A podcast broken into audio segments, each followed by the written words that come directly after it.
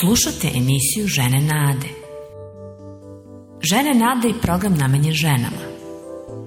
U narednih pola sata ćete uživati u lepoj muzici i posebnoj poruci za vaše srce. Ostanite uz nas.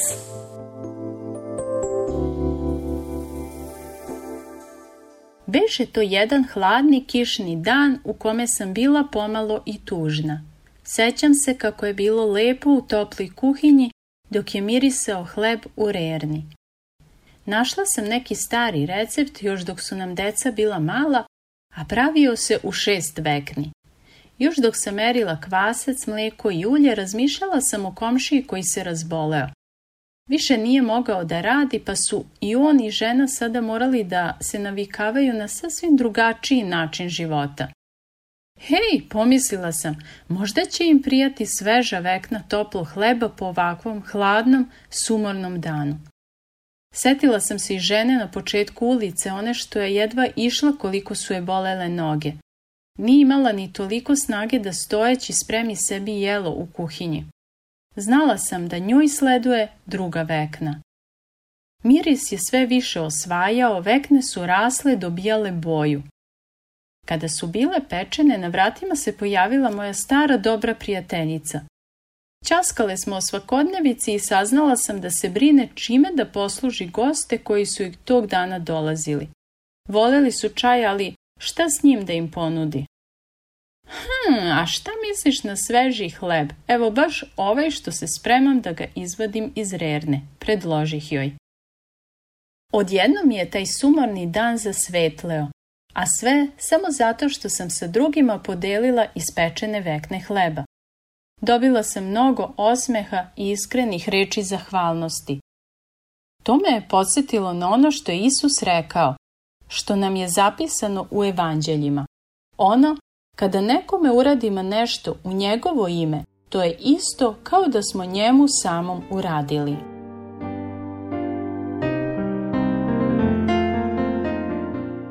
Dobrodošle u program Žene Nade. Ja sam Bilja, a pored mene je Tanja. Pozdrav svima! Dok sam ovo slušala, kao da su mi zamirisale sve te sveže vekne. Hvala ti, Biljo. Nema na čemu, mi žene volimo razne stvari. Neke vole baštu, cveće, neke jako vole da spremaju zimnicu i kuvaju uopšte. Neke su zaposlene i jako dobre u svom poslu ali nema žene koja je majka, a koja se ne brine za svoju decu. U nekim zemljama, u kulturama nekih plemena, uobičajeno je da žene na leđima nose terete koji su teški skoro kao one same. To su zapravo goleme torbe sa voćem i povrćem, ali stane tu i pokoje dete. Mnogi od nas svakodnevno rade jedan od najvažnijih poslova ikada. Brinu za porodicu. Neke znaju šta je naporan rad još od kada su bile sasvim male devojčice. Ali ni to tim ženama ne daje osjećaj da su važne, da vrede, da neko ceni svu njihovu brigu za porodicu. Da li i vi, drage žene nade, osjećate katkad da se vaš trud ne ceni dovoljno? Da, sve smo različito obdarene, svaka zna nešto i u nečemu je jako dobra i voli baš to da radi. Najlepši osjećaj je kada pomogneš nekome u potrebi. Zato hajde da se u ovoj emisiji pitamo šta je to dobro u nama, kako mi možemo nekome da pomognemo. Zamolit ću Tanju da nam kaže svoj doživljaj davanja drugačijeg poklona. Da, jednom prilikom sam otišla u bolnicu dok sam živela u inostranstvu na redovan pregled. Kraj mene je u čekaonici sedela žena u očiglednoj nevolji. Sestra za šalterom ju je pitala mnogo toga, ali za nju je engleski bio nerazumljiv jezik. Obe su bile isfrustrirane jer je žena govorila samo španski. Bila im je potrebna pomoć. Govorim nekoliko jezika, pa i španski. Obratila sam se ženi neformalno i uskoro smo živo pričale o svemu i svačemu. Otkrile smo mnogo toga zajedničkog. Obe smo nosile prvo dete, obe smo govorile španski i živele u zemlji u kojoj se govori engleski. Tu smo bile zbog poslova svojih muževa i porodice su nam bile jako, jako daleko. Predložila sam joj da s njom uđem kod lekara. Rado je prihvatila. Nekoliko sedmica kasnije smo već bile prave prijateljice. Čak me je pozvala i da budem tu dok je rađala svog prvenca. Osjećala sam se dobro znajući da joj pomažem, posebno što sam znala šta znači prvi porođaj, kada ne znaš šta da očekuješ. Zamislite samo da ste u kontrakcijama, a svi oko vas vam govore nešto što ne razumete. Kažem, uživala sam da ovoj ženi ponudim u tom času jako važno prijateljstvo. Uh, mogu da mislim koliko je to njoj značilo. Koliko li je samo bila srećna što ima kraj sebe nekoga ko će joj preneti, prevesti sve važno. Od Boga sam daleko bio, od njegove istine, svetlosti sam se krio, a sada stid me je. Daleko od žive reči, od blagoslovljenih,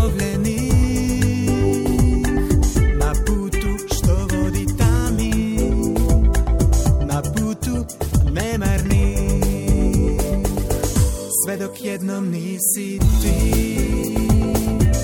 ispred mene stao sam, pitao me da li šta je noć, a šta je dan.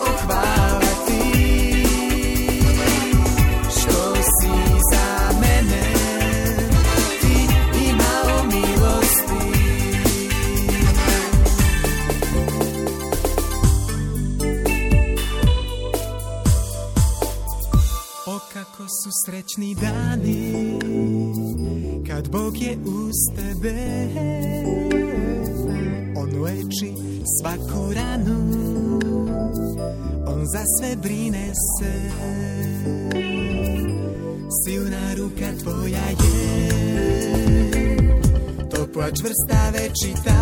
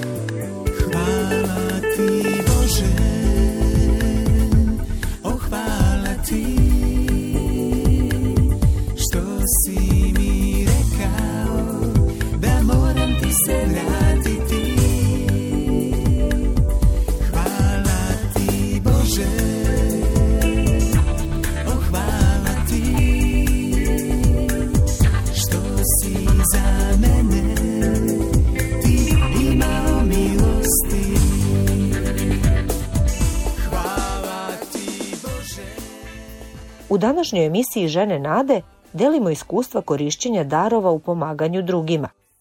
Bilje je upotrebila jedan sasvim drugačiji dar kojim je unela lepotu u živote drugih. Baštovanstvo je moja strast. Verujem da je to dar od Boga baš za mene. Otkrila sam da je jako zahvalan jer me drži ponizno. Uvek sam na kolenima i uvek blizu zemlji. Volim taj dodir zemlje rukama. To me u mnogo čemu naučilo životu, posebno tome šta je prava briga. šta je prava uravnotežena briga. Naučila sam da jedno dobro nije dovoljno, posebno ako ga ima previše. Naime, biljkama su potrebni i voda, i sunce, i hrana, i okupavanje i plevljenje. Bez svega toga nema rasta. Naučila sam da se isplate i upornost i vredan rad. A najviše od svega volim da posmatram rast svega živog oko čega se trudim. Često povrće i cveće koje uzgajam poklanjam dragim osobama.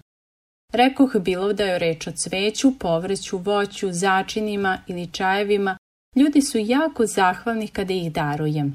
Ima čak i onih koji vole da presuju cveće, suše ga i njima prave ukrase, slikaju ga i prave divne stvari od toga. Naravno, tu su i sitne alatke, reznice i slično, kao i lukovice, pelceri za one koji bi da nešto sade i rasade. Veliku radost doživljavamo obostrano tom prilikom. Moja bašta rađa predivnim plodovima i postaje vrelo mnogih poklona. Jako me raduje kada vidim da iz sićušnog semena nešto raste, klasa i na posledku dozreva za berbu. Bilo da je reč o određenim vrstama, bilo da su začini ili oni plodovi koji se dodaju drugima. Eh, ko ne bi voleo da ga počastiš nečim što si sama uzgajala u svojoj bašti? Malo pre si spomenula one koji vole da slikaju cvećem. Meni se to sa dekupažom jako, jako sviđa, a posebno ručno rađene čestitke sa cvetovima. I Mira voli jako da kuva, voli da sprema i deli mnogim ljudima. Rekla mi je kako je skoro nosila neko jelo novim komšijama. Voli da tako obraduje i one koji dođu s nekog puta umorni. Ili kada je neko bolestan, kada je žalost zbog smrti u porodici. Ili kada su praznici, neke proslave. To su stvarno dobre prilike da počasti poznate i nepoznate. Jako voli da obraduje one koji rade neprimetno, a uvek su među nama. Kuće paziteljke, čuvare, čistače, poštare, a da ne govorim koliko je stalo do dece, pogotovo one siromašne i odbačene.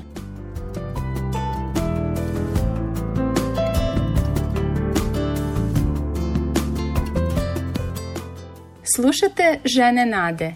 Danas delimo neke ideje o tome kako možemo svoje darove da upotrebimo i jako obradujemo ljude oko sebe i ozbiljno im pomognemo. Svaka od nas je nečim obdarena, ima neke sposobnosti, neke kreacije koje je krase. Možda ne mislite tako za sebe, da ste vredne, ali jeste. Svima nam je stalo da se osetimo potrebnim nekome, vrednim, da se naše sposobnosti traže, koriste i cene. I na nama je da drugima pružimo takvu pažnju, čast i uviđavnost. Tanja će nam sada podeliti još jedno svoje iskustvo. Ona je radila kao učiteljica i ima poseban dar kojim raduje mnoge. Hvala za priliku da ovo podelim sa vama. Naime, jedne večeri sam se vraćala s posla i svratila do komšinice da je vidim. Baš se obradovala jer je bila očigledno uznemirena. Pokušavala je da spremi večeru dok je njena čerkica sedela za stolom i plakala iz sve snage zbog domaćih zadataka. Stariji sin ju je ležao bolestan i morala je da se bavi njegovim potrebama. Najmlađi se igrao na podu, ništa manje bučan. Lomio igračke i šutirao ih. Kad sam ih takve zatekla, sve mi je bilo jasno. Nas dve smo bile bliski prijateljice i često smo se družile. Pitala sam je da li mogu da uzmem ovo dvoje što su se drali, čerku i sina, da ih odvedem kod sebe, uradim s malom domaći i zabavim derana. Kako se samo sa olakšanjem nasmehnula zahvalnog srca. I to smo ju radili. Neko vreme sam s malom radila domaći, a dečačić se zabavio crtajući nešto po dečjoj tabli. Pošto muž i ja još uvek nismo imali decu, jako sam uživala da budem sa decom. Te večeri smo lepo jeli i čitali priču pred spavanje. Zaista nam je bilo zabavno. Eto, prijateljicu sam darovala nečim za nju vrednim, što joj je stvarno bilo od pomoći. Obe smo bile ispunjene, zahvalne, a ja sam se još i zabavila. Ne mogu da zamislim koliko bi majki samo volelo da ih neko daruje na ovaj način. Mislim da bi sve dale da pored sebe imaju neku svoju tanju koje će im se naći pri ruci na takav vrlo praktičan način. Deca su mi odavno odrasla i ponekad mi nedostaju buka, žagori i nekako se zaželim da su opet mali. Ali nema potrebe za tim. Dovoljno je da pogledam oko sebe i vidim sve te mlade majke sa decom, žene koje bi dale ne znam šta za par trenutaka mira ako bi neko drugi preuzeo malo brigu za njihovo mališane. Rekla smo već u par navrata da smo mi žene podarene mnogo čime i to radi dobra onih oko nas. Darovane smo vremenom, veštinama, sposobnostima koje su od pomoći.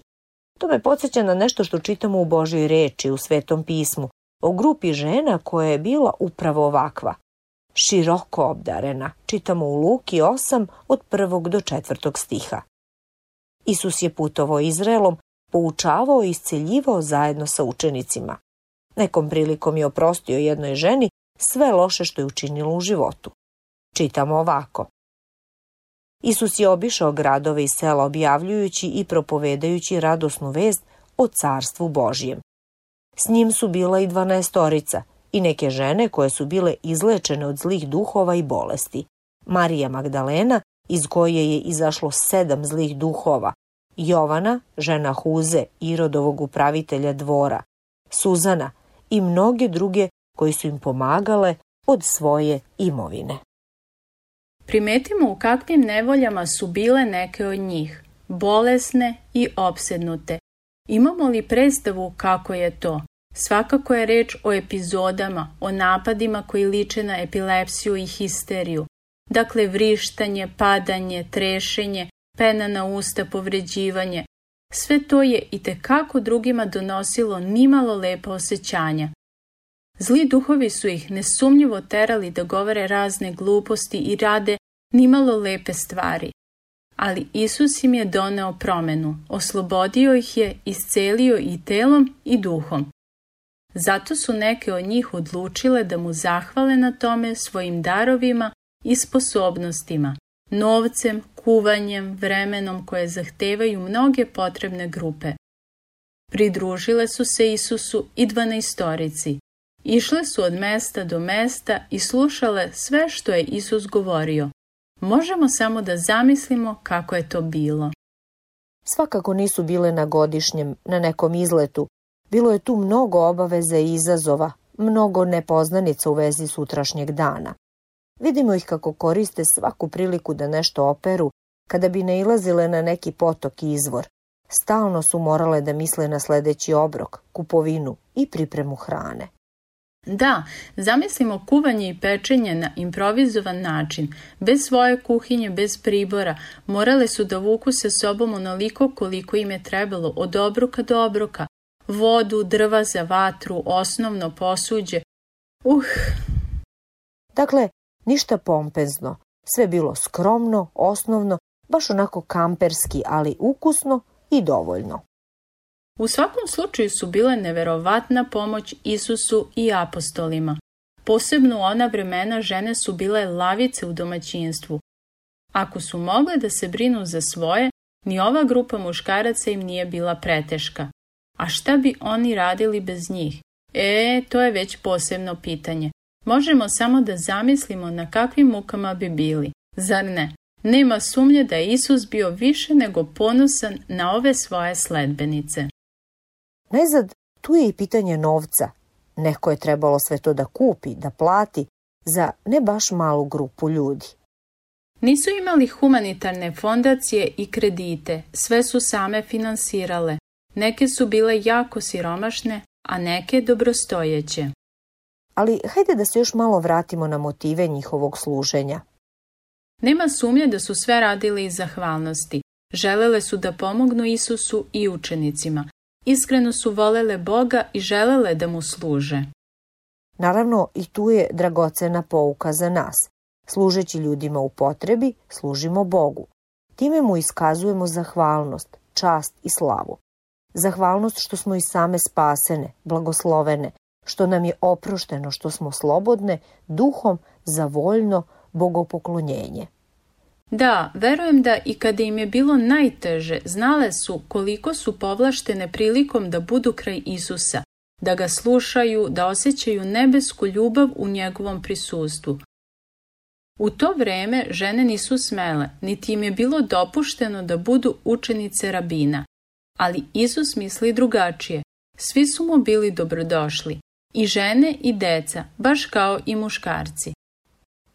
Da li bi voljela da si bila u ovom krugu žena? Da gledaš i posmatraš gospoda dok govori i čini toliko toga. Da, volela bih, inače sve te žene su kasnije zajedno sa ostalima postale važan deo najranije hrišćanske zajednice.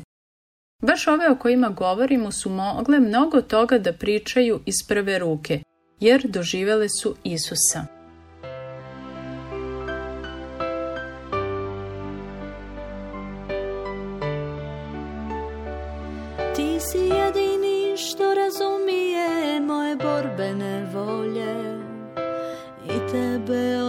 Odbaciše ti uzdiže se.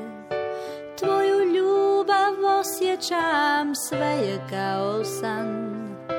Tvoja ljubav oči mi otvorila.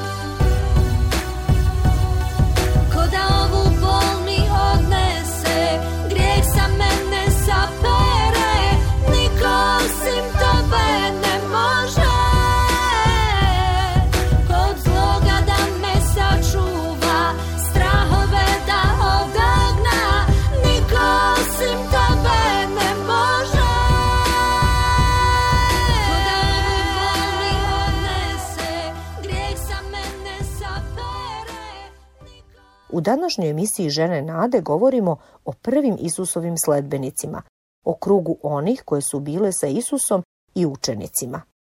Znamo i imena nekih od njih. A spominjanje imena uvek govori o tome da je neko uočen, prihvaćen i cenjen. One nisu bile tamo neke žene. Dakle, to su Marija Magdalena, Suzana i Jovana. Da, baš one, Jovana, žena Huze i rodovog upravitelja dvora je očigledno bila poznata. Tako je i danas. Posebnu pažnju među vernicima izazivaju oni koji dolaze iz surovih sredina, koje su dušmanski nastrojene prema evanđelju. Suzanin muž je svakako bio poznati političar, ali to njegovoj ženi nije bila smetnja da sledi istinu. Verovatno je prvo čula o Isusu, pa je čula i videla njega samog i odlučila se da ga sledi. doživjela je neko svoje oslobođenje ili iscelenje. Radosno je sledila gospoda i nije marila za cenu. Bila je svakako hrabra žena.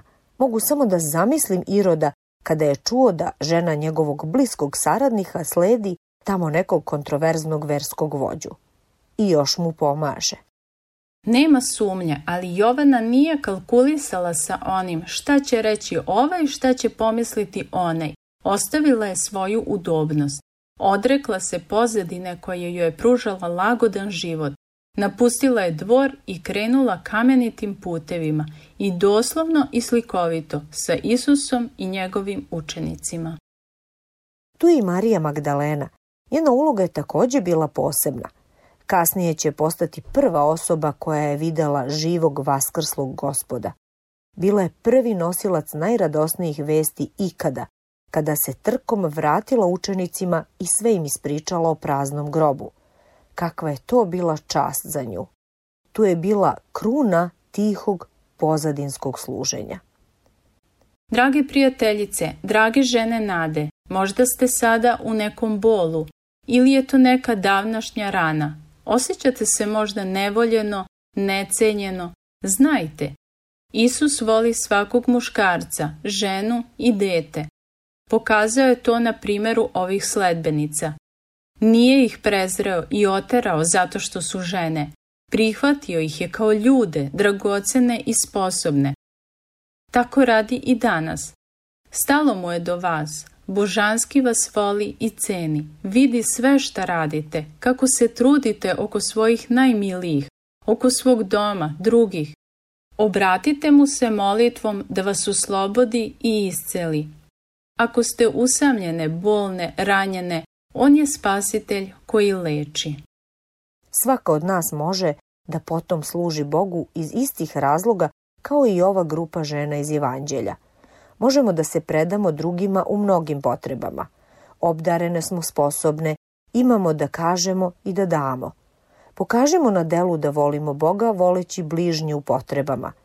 Činimo to kao Bogu, čak i kada ljudi ne cene ni nas, ni naše postupke. Baš je bilo dobro danas podeliti ove sjajne istine o prilikama koje svaka od nas ima. Služiti Bogu znači biti svoja, biti ostvarena, voljena, cenjena i potpuna. Nadamo se da ste ohrabrene ovom istinom. Ako jeste ili ako niste, ako imate neka pitanja, nedoumice po ovom ili nekom drugom duhovnom i životnom pitanju, javite nam se. Naša adresa je Žene Nade, Poštanski pregradak 37, 11060 Beograd, a naš broj telefona 062 396 331. Zapratite nas i lajkujte našu Facebook i Instagram stranicu Žene Nade. Podelite sa nama svoje razmišljanja o ličnoj vrednosti i upotrebljivosti, o iskustvima svojih darova koje imate i koje niste ili jeste upotrebile. Molimo se za vas da budete žene nade, koje i same drugima ulivaju nadu, služeći im svojim bogom danim vrednostima i sposobnostima. Doživite i vi da vam možda sumorni, sivi i kišni dani života zasijaju smislom i svrhom. Pozdrav svima! Uskoro smo opet zajedno u novoj emisiji programa Žene Nade. Pozdrav!